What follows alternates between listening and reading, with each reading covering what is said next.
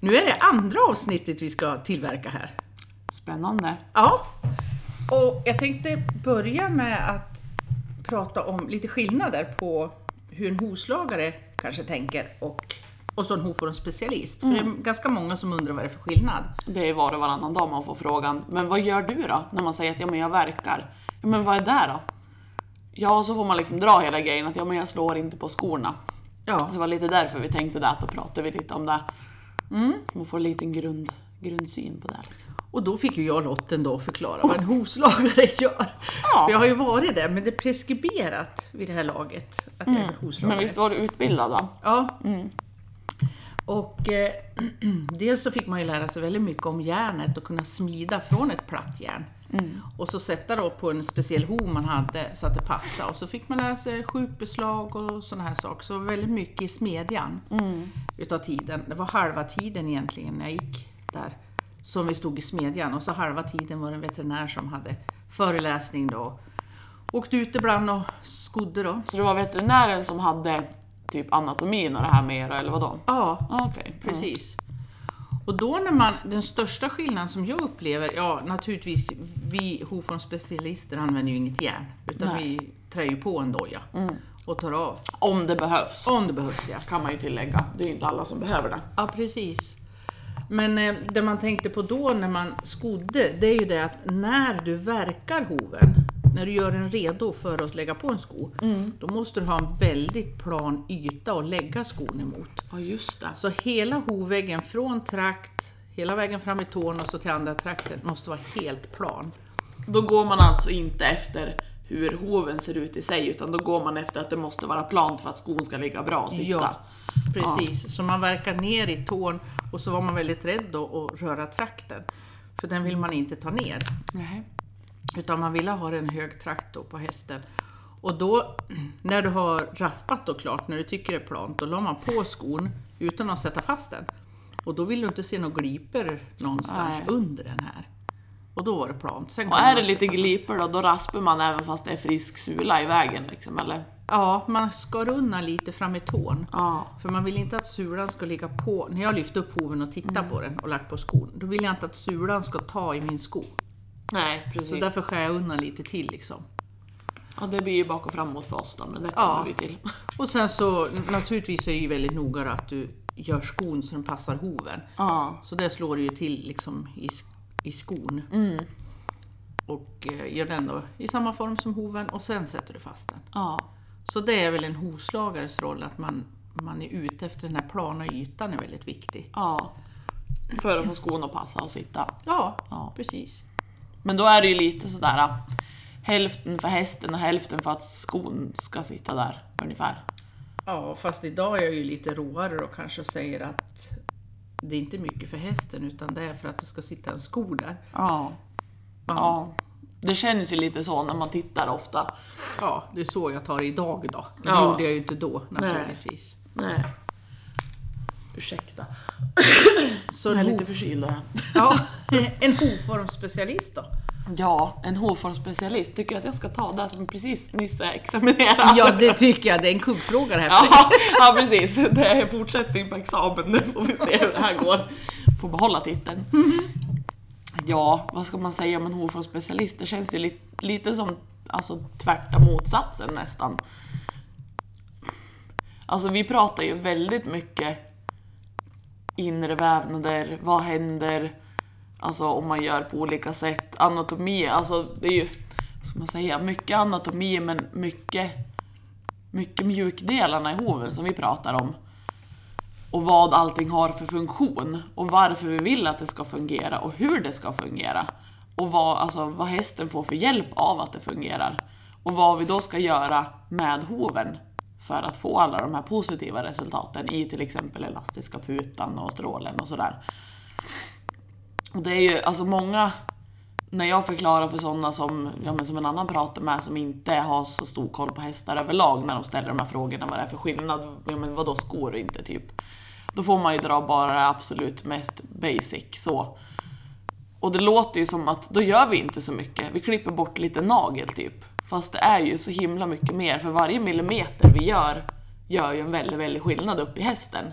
Och det är ju väldigt liksom precisionsarbete ändå för det är ju nu tar ju vi nästan ingenting på sulan. Alltså är det frisk sula så tar vi ju ingenting utan det är ju bara om det är avdödad sula som man skrapar bort lite grann. Men vi karvar ju aldrig sulan och vi karvar aldrig strålen. För att det finns där av en anledning och behöver inte hästen det så gör de sig av med det. Men det är ändå väldigt mycket annat som är väldigt precisionsarbete med hur mycket vi tar på hovväggen och vart vi tar och varför. Och där tittar ju vi i princip bara på hästen och hur ser just den här hästen och just den här hoven ut. Och inte liksom, ja men den här hästen har nollor fram och ettor bak. Utan det är liksom, nu, nu är det den här hoven och så glömmer man bort att de har tre till utan vi bara fokuserar på just den här hoven ser ut och vad vi behöver göra för att hjälpa den till att bli så balanserad som möjligt. För det kan ju vara, alltså har vi en, en och samma häst kan ju ha en lång tå på vänster fram men är kortare i tån men utflyten på höger fram. Och då lär man ju jobba utifrån det, då kan man ju inte ta lika mycket på tån rent millimetermässigt på båda. För att de har ju olika behov, hovarna liksom. Så att, jag vet inte, det är, liksom, det är ju så mycket mer än vad det låter. För det låter gärna som att vi gör bara halva jobbet mot vad hovslagare gör, som att vi inte slår på skon. Men så är det ju inte, utan vi tittar ju på andra delar. Och vi går ju djupare och mer funktionsmässigt. Och hälsomässigt framför allt, på vad vi gör och varför. Måste ni ha en... Nu pratar jag som att jag inte är hovformsspecialist. men måste hovformsspecialister ha en jämn yta på hovväggen? Nej. Nej. Vi går ju efter sulan. Och är det liksom, är sulan ojämn eller olika hög från sida till sida så är det ju den vi går efter. Vi tar ju aldrig förbi sulan. För att vi vet det, alltså, vad ska man säga? Vi vet ju på ett ungefär att det finns en del sula att ta i om man skulle behöva, alltså vilja så, även fast vi inte gör det. Men av ren princip så tar vi inte frisk vävnad för att vi vet inte exakt hur tjock sula den här hästen har på just den här hoven. Och är det så att vi börjar raspa eller klippa eller köra med kniven i sulan och vi inte vet så kan det vara så att vi kommer för långt. Så där är det ju liksom Sulan visar vart hoven ska vara. Ja, och är, den, är det så att sulan är där liksom som vi går efter så kan ju hoven få chans att ställa om sig själv. Är den sned, ja men då kan den börja på och räta upp sig själv om man håller det i sulans nivå hela tiden. Och det är ju därför också som många reagerar på också såklart, är att vi vill ju komma ut oftare än vad en hovslagare vill. För att vi vill ju undanhålla den här hovväggen för att hoven ska kunna balansera sig och hamna där den vill vara för att det ska vara så bra som möjligt för hästen. Ja precis, för den växer ungefär, jag läste någonstans 8,3 millimeter. Men ungefär en centimeter i månaden brukar man säga, hovväggen växer. Och det är klart, kommer man då var åttonde vecka, då har ju hästen vuxit väldigt, väldigt mycket. Ja. Och ska man då försöka ställa om, balansera en hov, då är det liksom två steg bakåt hela Ja, tiden. ja visst, det blir ju så. Och det är ju därför vi gärna tjatar om, speciellt när det är någonting, ja men typ en lång tå som man vill backa eller det är någon, någon hålvägg eller någon utflytning, när det är någonting att jobba med så är vi ganska sådär hård med att då vill vi komma ofta. Då är det kanske, är det illa så kanske man vill komma varannan vecka liksom. Och det kan man ju få reaktioner på med tanke på att man är så inpräntad med det här åtta veckors intervall, åtta Ja. veckors intervall. Men det är ju som du säger, lämnar man det åtta veckor då har du inte fått någon förbättring när du kommer Nej. nästa gång. Och du kommer aldrig få någon förbättring. Nej. Och det blir en väldigt omställning för hästen när man väntar så länge. Mm. För det blir en stor omställning varje gång man då verkar den Ja. Mm. till dit man vill ha den. Alltså den och då, den gången man tar den. Ja, Det går ju inte att få en hovbalans på en gång utan Nej. det är ju hästens tid Ja, och visst. tillväxt vi väntar på. och alla hästar har ju olika tillväxt. Även om Ja. det här centimetern ungefär i månaden är en generell grej Ja. så är det ju väldigt olika beroende på vad de äter och vad de gör. Speciellt om du har en häst som motionerar väldigt mycket, som är barfota, är på väldigt varierat underlag, för då sliter de ju bort lite också. Medan har du en häst med samma förutsättningar som bara står i en mjuk hage, ja men den sliter ju inte bort någonting. Nej. Så Och det är väldigt med individuellt. hur frisk är de i magen? Ja, Påverkar. absolut. Så det är väldigt mycket som påverkar egentligen. Ja, Och vi kan ha en bättre tillväxt på en sån du tränar för den är van att Ja. möta sina fötter. ha en väldig cirkulation också. Ja. istället för den här som är söt i sin hage. Ja, Lilla Brunte som jag ja. Någon dag kommer jag att träffa en Brunte, det är jag övertygad om. Ja, det tror jag också. Då kommer det bli så paff. För att det kommer inte vara den hästen du föreställer dig i ditt huvud. Nej men det här är ju ingen brunte. Precis. Var kommer det där ifrån? Ja. Nej, och det märker man ju nu när man börjar få Ja men jag har ju fått jobba upp sakta men säkert fler och fler kunder. Men det märker man ju verkligen skillnad. Det, jag säger inte att det ena är rätt eller fel, men man märker, jag ser skillnad på hästarna. Om det är sådana som har gått barfota länge och sådana som har ja, men, tränas, som till exempel travhästar som jag har. Som tränas barfota och som används mycket liksom. Och är barfota dygnet runt 365 dagar om året. De har ju en jädra tillväxt och de har stenhårda hovar och de har tjocka hårda sulor, tjock hård hovvägg. Allting är väldigt liksom anpassat för att det ska slitas ordentligt och det används. Kraftfullt. Och sen kom, kan man komma till någon annan kund som har en ja, men häst som är lika lycklig fast den kanske rids två gånger i månaden bara för att det är lite mysigt att komma ut. Då har vi oftast en väldigt mycket mer spröd hovvägg och kanske lite dödsula som man kan krafsa bort. Och Det är inte samma densitet och kvalitet Ja, liksom. För den behöver ju inte den hoven. Nej. Hästarna får ju den hov de behöver för att leva där de lever. Mm. Och vad vi gör med dem. Ja visst. Så är det ju. Jag tänkte bara tillägga det att sulan, den visar ju faktiskt hur hovbenen ligger där inne. Ja. Så tänker man om, om sulan visar det, då kan man ju se på sin häst om man har en sned hov. Titta hur sulan vill vara. Ja. Om sulan är parallell mot backen, då är ju hovleden där Ja. som mest parallell. Rak. Annars så går de snett, då får de ju pålagringar till slut. ja visst.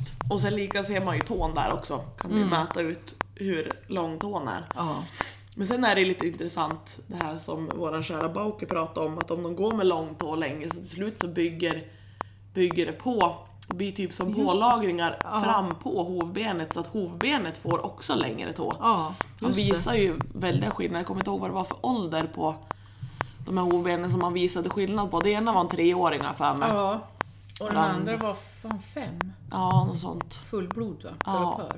Och där var det ju, alltså det var, jag kommer inte ihåg vad det var, var det över, det var väl en, mellan en eller två centimeter skillnad tror jag på tån fast det var, Ja, det skulle det. ha varit ungefär samma. Ja, Och det var ju endast liksom, ja men typ pålagringar, det var ju förkalkat ja. som, ja, De fick som en Kroppen har skyddat sig. näbbstövel först ja precis. och sen vart det längre. Så det är jätteintressant. Att vi kan förändra beroende på vad vi gör med fötterna på dem så Mm. Ja. påverkar vi hovbenet och även strålben och senor och ligament naturligtvis. Ja, allting påverkas ju. i det här fallet pratar vi hovben då. Ja. Och det är ju himla intressant. Och det syns ju så jädra mycket. Vi som håller på och kokar ur så mycket och ser så himla många olika så ser man ju verkligen mycket skillnad. Och som han håller på och tjatar om Bauke, att man ska ju titta på så många. Han håller ju på och visar en massa. Just det här med att man kan ju se utflytningar i hovbenen på sidorna, man kan se Ja. den här långa tån och du kan se olika ja, men, snedheter i själva leden. Och, och sen bara den här spännande lilla gropen fram i tån som vi Ja, just det. väldigt ofta ser. Absolut. Men det känns som att vi har lite svårt att komma överens om vad det beror på. Ja. För nu sist så sa han ju att det kan vara, på vissa gånger så kan det även vara tåkappan som har ställt till det. Mm. Men sen har jag även pratat på att det är det här med lång tå, de har gått med väldigt lång tå väldigt Mm. länge. Men det ser vi ju väldigt ofta att det är liksom som en liten grop in Och det fram. kan man ju förstå. Man tänker sig att han pratar ju om att lamellerna i det här hålet Ja, är ju som en hästsvans. Ja, Det är väldigt många lameller där på Ja. Mm. liten, yta. Och tänker man då att hästen rullar över i tån och får en lång tå. ja, Den största påfrestningen har ju du, om man tänker lamellmässigt nu, ja, den har du mitt fram i tån. Mm. Och det är klart, får du en brytning där och en liten separation, då börjar ju det här. ja visst. Om ingen tar hand om det och kortar tån. Ja, Då blir det ju på värstviset där. ja visst. Just det. Och när vi pratar lameller så just det här med ja, men, skillnaden mellan hovslagare och hovfartsspecialister, eller jag sådana som jobbar med barfotahästar överlag, även hov, hovslagare som bara verkar, så är det ju vad är det hästen går på? Det är ju nästan den största delen som vi tänker lite på, vad är det som bär upp hästen? Och som Bauke säger, vad är det mellan 5 och 20 procent som ska vara, alltså av, vikt, av hästens vikt, mellan 5 och 20 procent av hästens vikt ska vara på hovväggen, resten ska vara på sula och stråle. Ja. Och där är det ju lite, alltså visst, vissa är ju lite flitiga att ta ner så att när de, även när de skor så kommer strålen ner i backen. Men det är ju fortfarande majoriteten av vikten hamnar ju på hovväggen. Ja. Och vad är det då som bär? Jo det är de här tunna, tunna små fina lamellerna. Ja. Och då funderar man ju, är de verkligen designade för att bära upp hela hästen? Mer än vad det som är under hela foten är. Som vi tänker att det är sula och stråle som ska bära majoriteten av vikten. Ja. För det är ju ändå trots allt majoriteten av ytan under hoven. Precis. Så det känns ju, alltså rent logiskt så känns det ju mer rätt att det som det är mest av under en fot ska bära vikten. Exakt, jag tycker det är så självklart. Ja. Ja, Så när man börjar tänka de här banorna, då finns det liksom ingen återvändo. Det är klart. För mitt i hoven så är ju det här skelettet. Mm. Hovben, kronben, kortben och så vidare och så vidare ja, uppåt. ja. Och hästens kraft, hästens tyngd, Mm. den kommer ju alltid via skelettet, mitt i hoven. Ja. Så varför sitter skyddet längst ut? Ja, det kan man fundera på. Eller hur? Länge. Jag kommer inte fram till någon logisk förklaring på den delen tyvärr. Nej, I'm jag tycker det är sorry. så självklart att tyngden kommer mitt i foten. Alltså måste vi ha något som stödjer mitt i foten, inte Mm. längst ut bara. Ja, visst. Det är som Bob, han säger ju fot och Hoof. hoof säger han ja. Och hoofen det är eh, Mm. Hovväggen. hovväggen Ja. ja. Och foten, det är det han står på. Ja, precis. Jo men det är lite så. Ja. Jag tycker det är lite kul att han Mm. har två skilda, Ja, att han kallar det för, för vi ser ju ofta bara hoven. ja visst. Vi kanske ska börja ändra oss i och hoven och foten. Ja, Eller hovväggen och foten. ja. Något sånt kanske. Ja. Sen är det lika, tänker jag ju lite på, ja men när man slår på den där skon, då har ju aldrig hästen chansen att slita hovväggen om den behöver. Nej. Och då får vi, om man inte liksom är flitig och tar in som tusan innan man slår på den där skon, så kommer ju hoven att bli gradvis lite större och lite större. Och folk är ju så van vid att se blaffiga hovar på hästar. Så det är ju, jag har ju med mig ett av de här hovbenen som vi kokar ur på utbildningen. Utifall jag blir pratandes med någon kund och vill visa och förklara. Inte en enda av dem som jag har visat det där för har liksom tagit det som en självklarhet att hovbenet är så litet. Alla har blivit chockade. Är det, där måste komma från en ponny, säger alla. Nej, det här var en fullstor häst, mest troligt en varmblodstravare. Ja. Om man tittade på hoven innan vi började verka och karva i den och sådär.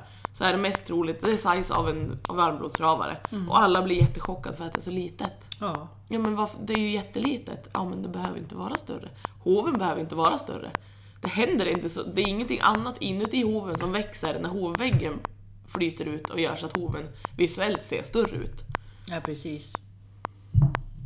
Ja, nej, det är lite intressant att tänka på. För mig har det ju blivit så självklart liksom. Och speciellt när jag ser hur små man kan få hovarna utifrån liksom sett. Ja. När man har hållit på med dem ett tag. Men det är väldigt många som blir väldigt chockade över hur små Ja. hovbenen är. Man tänker inte på hur det ser ut inuti, utan det är som du säger, man är så van att hästar har stora fötter, så när de ser en häst som har mer hoven i balans, Ja. då tycker de, men gud så små fötter, så här kan han väl inte Då är det gå. där som ser konstigt ut Ja. liksom. Ja, Men så van det här felaktiga utseendet. ja visst. Fast över tid tycker jag ändå, jag har hållit på så många år nu, så jag tycker ändå att de har blivit bättre, måste jag säga, generellt. Ja, jag kan tänka mig det. De har blivit mindre, men de är ju långt ifrån i balans, men det går ju åt rätt håll. Ja, ja visst. Men det är en fördel i alla fall. Ja, Någonting som är bra. Absolut. Så det är intressant. Vad som påverkar det. Det Ja, kanske är någon som lär sig där ute. Ja. Undrar var de lär sig någonstans då? Jag vet inte. Nej. Nej, det är intressant. Det är svårt. Jag är ju sådär, även fast jag har min tro på Mm. liksom vad som funkar och hur jag vill göra och sådär. Så vill jag ju ändå prata med alla som jag har chansen att prata med, inklusive hovslagare självklart. För även om jag inte tror på att slå dit skor så kan de fortfarande komma med någonting som kan vara värt att fundera på. Absolut. Så jag pratar ju med alla men jag upptäcker ju varje gång jag försöker prata med en hovslagare att det är jättesvårt. Speciellt när jag har den utbildning och det yrke som jag har. Att jag jobbar med hovar fast jag jobbar med barfota. Mm. Då blir det direkt lite det här spetsiga stämningen eller vad man ska säga. Ja, det, Även fast de vass. försöker vara artig så vill de gärna gå in och försöka lära mig någonting. Ja. Och vissa, det har hänt någon gång sådär, det är Mm. absolut inte alla, men vissa kan till och med vara lite så att de börjar nästan fråga ut en med lite sådär typ kuggfrågor för att se om jag verkligen kan det jag pratar om. ja, just det. Så det, det är svårt att prata med hovslagare, eller ja det är svårt att prata med alla som håller på med hästar egentligen för att Mm. alla Någonstans så tycker ju de flesta som håller på med hästar att de gör rätt. Ja. Såklart. Oh, ja. Men eftersom att det är mest hovslagare som jag, för jag har försökt prata med så är det ju där jag har upptäckt det liksom att Speciellt när vi tänker så olika så är det väldigt svårt att kunna ha en lugn och fin konversation Ja, utan att det ska behöva bli argumentation av det. Och egentligen så skulle det vara det optimala, om man får önska sig någonting. Det optimala tycker jag, det är ju att man skulle kunna få samarbeta med en hovslagare. Mm. För de som vill ha skodda hästar, det kommer det ju alltid att finnas människor som vill ha Ja. järnskor på fötterna Ja, på hästarna. Då kan man liksom bara skicka dem till bra hovslagare Mm. så man vet de kan sko. Ja, ja visst. Och lika tvärtom, att när de kommer till någon som inte vill ha järnskon kvar, då kan de ju skicka det till oss. Liksom. Mm. Ja, det är ju en drömscenario. Ja. Och lika att man kunde diskutera hovar, liksom bara allmänt, så här, inte att vi är konkurrenter på något Mm. Nej. vis, utan Bara dela erfarenheter och kunskap Ja. liksom. precis, vi tänker och, och jobbar på olika sätt. Ja, Men vi vill ju hästens bästa, ja visst. så är det ju. Men eh, ja, men vi kanske kommer dit Ja. så småningom. Kan jag hoppas. Ja, absolut. Just nu är det lite trögt tyvärr. Ja. Men det är väl, alltså det sitter ju i båda ändar eller vad man ska säga. Ja. För vi har ju lite våran bestämda syn också. Så att det, Mm. skulle man fråga någon hovslagare som jag pratar med så tycker säkert att de att jag är omöjlig att prata med också. Ja. Så att det är väl, det är väl lite ömsesidigt tyvärr. Det är ju det att man, man tror på det man gör själv, så Ja. man är ju inte helt... Man kan vara öppen för att andra gör på ett annat sätt och Ja. tänker på ett annat sätt. Men när de säger en sak om hoven som jag tycker är helt fel, då är det väldigt svårt för mig att ta till mig hmm, de ser det så ja.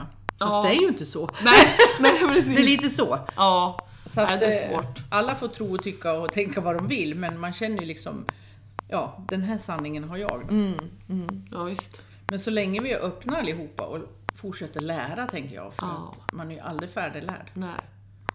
Det tror jag där sitter det väldigt mycket. När man börjar tro att nu kan jag ju typ allt. Mm.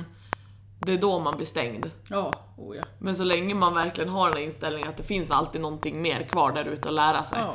Och nästa människa jag träffar kanske kommer med någonting som jag kan lära mig. ja, Då är det nog väldigt mycket både lättare och trevligare om man får mycket mer kunskap också. det tror jag. Vi har ju inte sett all världens hovar än. Nej. Vi får ju vi Och det kommer vi aldrig få göra, Nej. vilket betyder att vi kommer aldrig vara fullärd. Jag är ju nyfiken på att åka ner och titta på zebror. Hänger du med? Ja, fan! Afrika någonstans va? Ja, men jag tittar ju, jag var ju, nu är ju det alltså helt fel för de är ju inhägnade jag på att ja, säga. då är det skillnad. Ja, men jag, jag var ju tvungen att smygkika, jag var på Kolmården i sommar med sonen och en kompis. Och då var jag tvungen att stanna till och försöka zooma in med Ja. telefon och titta på zebrornas hovar. Men det är ju alltså som sagt, det är en kontrollerad miljö så det Ja. går ju liksom inte att avgöra för de är ju inte vild.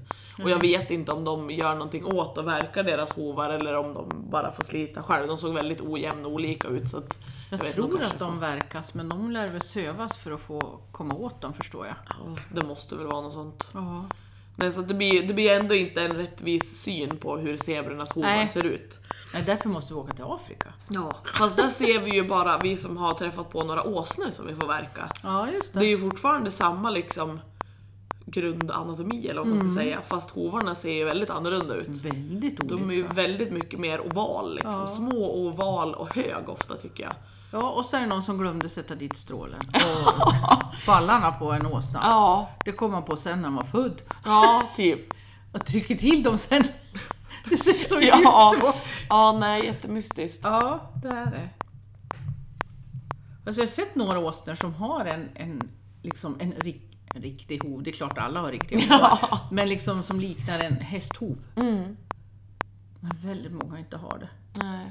Och då är ju frågan liksom, alltså självklart är det ju en liten viss skillnad i, i ja, men gener och sådär mot för en häst. Men sen är det ändå, de som har åsnor kanske inte, nu vet inte jag för jag har inte pratat med någon Mm. åsneägare så om det, jag bara spekulerar. Ja. Men man kanske inte tänker på hovvården på samma vis när man har en åsna som när man har en häst. Nej, så att kan det vara. vi ska ha en typ fem veckors intervall Ja. på verkning. Utan att man ser att ja, men nu är det dags. Mm. Sen funderar man inte om det har gått fem veckor eller om det har gått fyra månader. Nej, just det.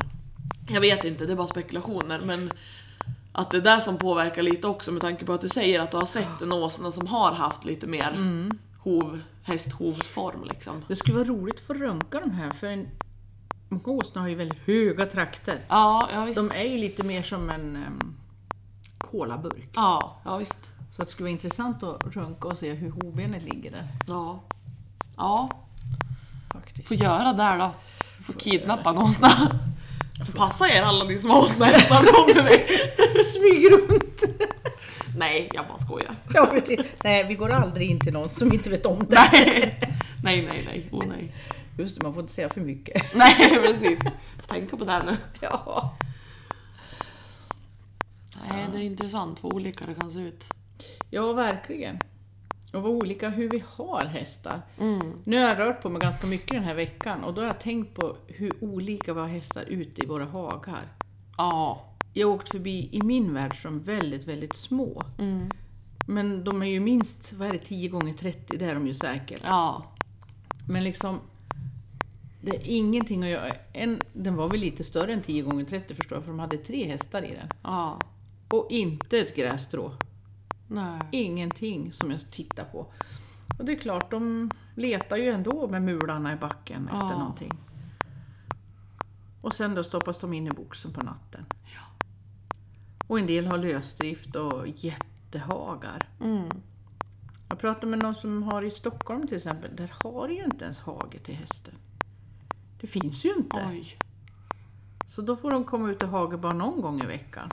Men hur, vi har ju pratat om det där med lagen på det där. Det är väl, de ska komma ut, är det varje dag eller så där och kunna utöva alla sina tre gångarter. Ja, typ. utifrån boxen ja. Ja. Men det är ju lik, alltså det betyder ju att det finns ingen lag på att de måste stå ute i en hage på Nej. dagarna. Nej. Och där blir det ju lite... Har man inte möjlighet där och vill ha häst så blir det ju, det blir ju konstigt liksom. Ja. Och det har jag aldrig tänkt på, ja först man börjar jobba med andras hästar förstås, hur man, man har ju sin egen värld, hur man har sina hästar. Och sen så är det andra som har andra världar. Ja, visst. Det är lite intressant. Och hur de, hur de börjar lägga på täcken nu. Har du sett det? Ja. ja men det börjar ju, det är så, eftersom att jag sitter och åker väldigt långt jag och Ja, dels just åker det. jag ju till, jag har ju lastbilsjobbet drygt sju mil bort och sen åker jag ut till andra kunder också. Ursäkta. Det såg jag redan liksom i ja, men september Ja. typ. När det var, eller slutet på september, det var en dag jag tänkte på det, då åkte jag förbi en hage där det stod tre hästar och det hade väl kanske varit, inte vet jag, det var ju plusgrad, det var kanske mellan 5 och 8 plus på morgon. Och lite mulet. Men sen på dagen när jag for förbi gång nummer två, då hade de fortfarande täcke på så då var det sol och 17 grader. Och då blir jag lite sådär, ja, nu funderar man ju varför de klädde på sina hästar. Om det var för att de själva var frusen i morse eller om det var för att de tyckte att på morgonen behövde de täcke. Det kan jag väl köpa att man gör ju som man vill och anser man att idag är det lite kyligt så tar man på täcke men ser man då, då måste man ju någonstans känna att är det så att det blir sol och varmt så har jag möjlighet att åka hem och ta av dem täcket. Ja, precis. Men det är uppenbarligen så, på det här stället så hade de ju inte gjort det för där stod hästarna blickstill med i alla fall regntäcke på sig. Ja. Det var sol och 17 grader varmt. Det lär nog bli skapligt varmt. Och jag tänkte ju på det just för att jag tyckte att åh gud vad varmt det vart så jag tog av mig tröjan. Och precis då passerade jag hästarna som stod med täcke på sig och kände att de vill också ta av sig tröjan. Nu stannar inte och hjälpte dem Nej, lite. jag kände att det blir nog inte så populärt om jag går in i en okänd hage och plockar av täcken. Undrar vad jag skulle säga om det låg så fint ihop. Ja! Lämnat en liten lapp. Det såg lite varmt ut. Jag tog av dina hästar täcket. Eller på insidan. De kanske tror att de tog av sig själv då. Ja. Ja. Och vek ihop dem alldeles själv. Ja, nej. Nej, för så gjorde ju... Jag vet inte om jag jag vet, det känns som att vi har pratat om det fast det kanske vi inte har. Skitsamma.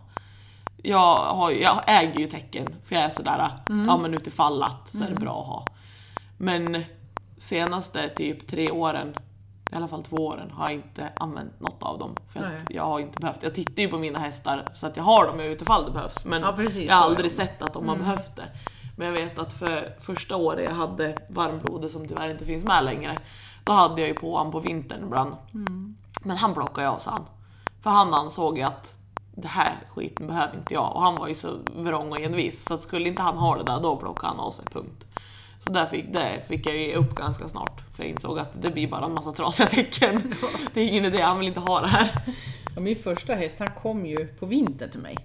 Och han var ju alltid täckad. Ja. Så då fick jag ju, dels så fick jag väl med ett täcke, eller om jag köpte på en gång till honom så jag kunde byta. Och sen var det regntäcke på vårsidan. Så, här. Ja. så då fick jag ju liksom följa med, för han hade ju ingen päls. Nej. Ja. Nej, och då har man ju ingen val för Nej. de ska ju inte behöva frysa. Nej, nej, precis. Men sen så går det ju successivt Ja. om det då, om man inte vill ha täcke förstås. Ja, men det är bara att titta ut, vi sitter hemma hos mig nu, det är bara att titta ut på mina hästar där, de är ju redan fluffiga liksom. De har ju byggt på sig bra nog med vinterpäls. Och igår var jag hos en häst som var som en mink, kan du tänka dig en sån päls? På Oj. en stor häst. Men, Han var så mjuk och tät. Så jag tog hårstrån så och tittade och det var tunna, tunna hårstrån. Och inte så, de var inte långa, nej. men som en mink och alldeles blank. Men gud vad härligt. Jättefin häst. Ja, hon var gammal, jag kommer inte ihåg hur gammal hon var, men hon var en gammal häst. Och det är ju det är ju lite där, i alla fall jag känner att jag är ute efter. De här tunna fina hårstråna fast väldigt, väldigt tätt. Ja, den var tät, var häftigt. Ja. Och så att den var så mjuk. Ja. Åh, härligt. Du visste inte vad de gjorde för någonting? Eller alltså vad den, hur den levde, hur den åt och sådär.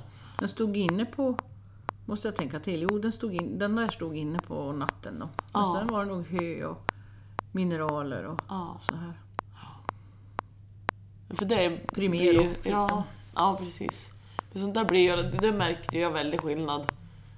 Ja, men som när jag tog hem varmblodet. Bara efter jag hade börjat ja, men ändra så att han bara åt grovfoder och så ja, då fick han lite Primero och så mineraler. Då ändrades ju pälsen ganska Mm. Ja. omgående. Och han fick en helt annan kvalitet liksom. Och väldigt blank och fin.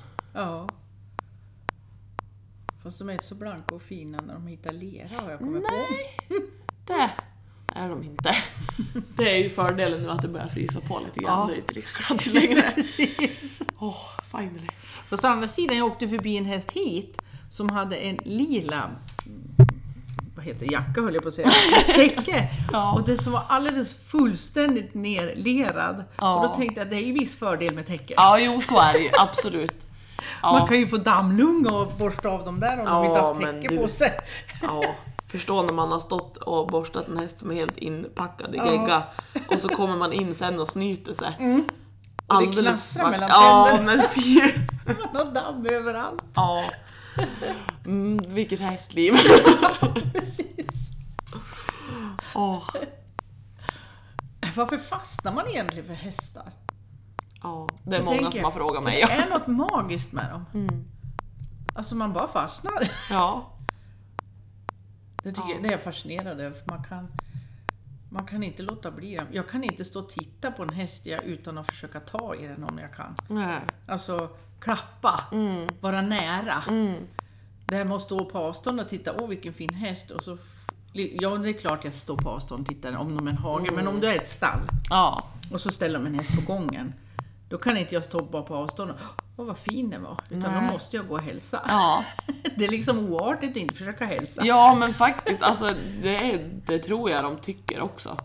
jag För tror det, då. ja, för det märkte ju jag väldigt tydligt på den där travaren som inte finns längre, att han var ju väldigt noga med att man skulle se honom också. Även Ja. fast inte han var någon gosig häst så ska Nej. du fortfarande gå fram och presentera och heja liksom. Ja, just det. För det var ju en sväng så hade jag ut veterinären när han var halt. Ja. Och då stod han inne på box och så kom veterinären och så stod vi utanför boxen och hon stod och pratade med mig liksom. Ja men och frågade lite och sådär. Sen ville hon gå in och lyssna, ja men lyssna på hjärta och lungor och så. Så jag öppnade boxdörren och hon gick raka vägen fram med stetoskopet, hon hejade inte på hästen. Och jag, alltså han var ju lite surgubbe, han var ju aldrig elak men han var lite surgubbe. Men då vart han förbannad. Han sparkade åt henne han vet du, med bakbenet så hon flög ut ur boxen och bara oj vad arg han vart. Jag bara ja. vad fan hände? Men sen så här efteråt så förstår jag att han vart ju förbannad för att hon klev in där och tog sig rätten att ta Hon på honom utan inte. att heja på han. Nej, hon hälsade inte alls när hon Nej, kom in. nej. Så jag tror det var där vet du. För Det skulle är jag aldrig göra, bara en sån sak. Nej, Man går ju aldrig in i boxen och utan att hälsa på hästen. nej. Nej, så är ju jag när jag kommer till kunder och ska ja, men verka eller behandla Ja. eller vad man ska göra. Det är ju nästan så att jag går fram och hejar på hästen innan jag hejar Ja, på människan. precis. Och liksom hej hej lilla gubben, den lilla gumman och så Ja, pratar man precis. lite klappar lite. Sen just det, du fanns också. Kanske ska prata lite med ägarna. Ja. Just det, så var det. Men då får man ju oftast en häst som är väldigt mer tillmötesgående också. Ja. När man har visat att man ser dem som individ. Liksom. Ja, Ja. det är stora djur men fantastiska djur. ja. Väldigt. Och när man möter någon sån, i och med att vi jobbar med hästar, då får man ju träffa många olika. Ja. Det som jag blir jag tycker är häftigt, det är när du träffar typ en shire.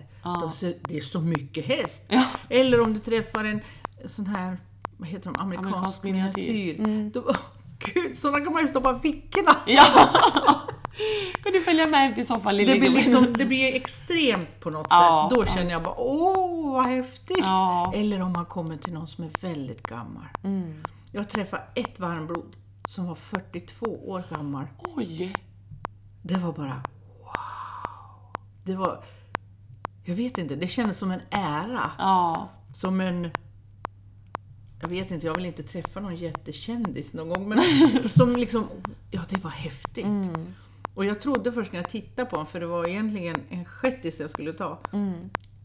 Och jag trodde det var en skäck där inne. För han var alldeles vit i ansiktet. Men. Men han var gammal, lille vännen. Och det var ett varmblod. Och bara, Ja, det är ju inte vanligt. Det är ju inte vanligt överlag att de blir så gammal, men absolut inte varmblod. Nej. Ja, det var häftigt. Det är Ja. äldsta hästen jag har fått träffa. Ja. Han var ett varmblod.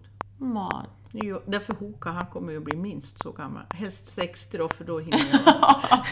Ja, precis. Fast ni får ju se till att gå samma dag, för att jag tror Ja. inte att du kan gå med vetskapen om att någon annan ska ta hand om han. Nej. Det Nej. Så att kan det, det får bli samma dag det där Ja, Birgitta. får Du får lägga om planerna lite grann. Arrangera lite. Ja. Åh. Ja du. Ja, det är lite häftigt. Det är inte så många. Jag har några shettisar så här som är ja, men typ 35, 37 Mm. så. Men det är väl lite vanligare på sådana små Ja. hästar att de blir äldre. Ja, och islänningar kan bli äldre. Ja, precis. Känns som. Men det är klart, varmblod. Nu vet inte jag om den någonsin hade sett en travbana. Det är ingen aning. Nej. Men eh, jag tänker på en travbana, om de tävlar i många år så kan de slits. Ja, ja gud ja. jag, så då är det lite ovanligt. Ja, typ- ja, då har de ju inte hälsan med sig. Då är det svårt Nej. att orka med så länge. Men där funderar man ju, för man hör ju mycket om tandproblem när de är äldre. Mm. Hur, såg, alltså, hur mådde den 42-åriga hästen i munnen? Vet du, jag tänkte inte på fråga. Den hade ju tänder. Ja. Det såg jag ju. Den var inte tandlös. Han var inte helt tandlös, men hur, hur de här molarerna och primolarerna såg ut, det har jag faktiskt ingen Nej. aning om. Jag frågade henne hur, vad han åt liksom. Nej. Det känns ju som att det måste gått hyfsat ändå med tanke på att han levde och var så Ja. pass gammal. Och sen såg jag att han var gammal, han var ju knotig liksom. Ja. Men pigg. Ja. För han var jättestressad då när vi tog ut skäggisen naturligtvis. Ja. Men det glömde jag fråga. Ja. Nej, men det är kanske inte det första man tänker på heller. Nej. Det är sånt där som man kommer på efteråt. Ja, precis. För jag vet när jag utbildade mig till hovslagare, då gick ju jag med olika hovslagare och lärde mig pra- praktisera för att komma in på skolan. Och då var det en hovslagare som hade en, han var till en som hade en väldigt gammal häst, men jag kommer inte ihåg hur gammal den var. Nej. Och den fick som gröt, jag tror det var lucern, Ja. jag är inte säker för då visste jag inte vad, vad den åt, men det var, han gjorde det så att det vart som en gröt som hästen åt. För han hade dåliga tänder. Men det har jag också hört om att folk kan göra. Alltså när det börjar närma sig. Ja, Med tänd- och tänderna är dåliga liksom. Att ja, men de får äta blöt, nästan flytande Ja. mat, eller på att säga grötmat. För att klara av att tugga det. jag vet, Sen att- vet jag inte hur bra det är, alltså hur länge magen och tarmkanal och Ingen sånt klarar aning. med med tanke på att de behöver de här fibrerna att tugga på. Så känns det som att det borde ju inte funka jättelänge. Fast å andra sidan, jag har en, en arabhingst. Mm. Och så var det en, D-ponny, jag vet inte vad det var för ras på den. En D-ponny. Ja. De fick aldrig hö, de åt bara lucern. År ut och år in. Oj! I flera, flera år. De var hur fint som helst. Men jag vart lite såhär, men hö då? Nej, han köpte lucern till sina hästar som de åt. Bara sån här grön Oj! lucern. Ja, Men hur mycket åt de? De ätit mycket då? ingen aning hur mycket de åt. För de fick ju, fick ju hinkar med det. Ja. Men jäsiken vad pigg de var. Ja. Jag vet den där hingsten. Vad var han då? Kunde han varit ja, mellan 15 och 20 år. Mm.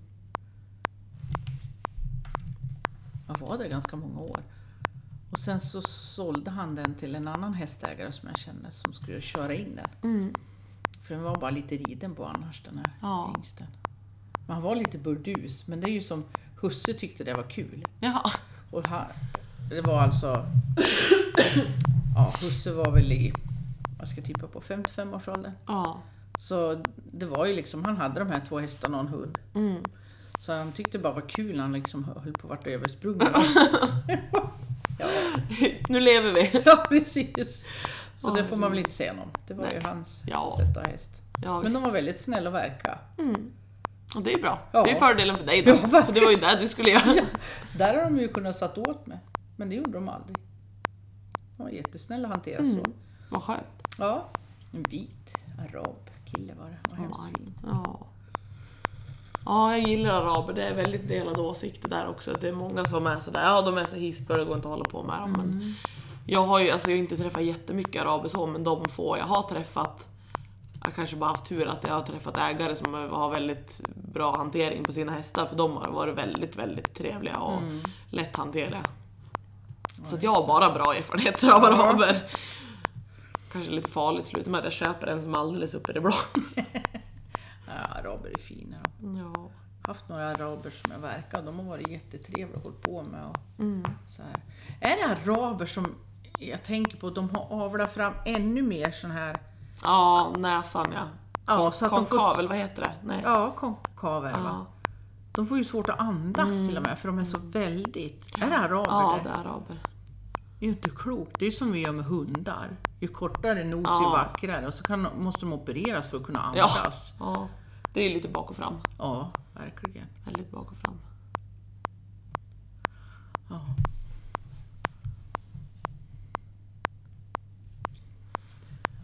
Ska vi runda av lite för idag eller? ja, det gör vi. Nu vart det ett långt program den här gången. Ja, men det gör ingenting. Då har ni mycket att lyssna på. Ja, då blir det ett nytt avsnitt nästa vecka. Ja, och se när vi får till det då. Ja, ha en underbar vecka. Jajamän. Hej! Hej då!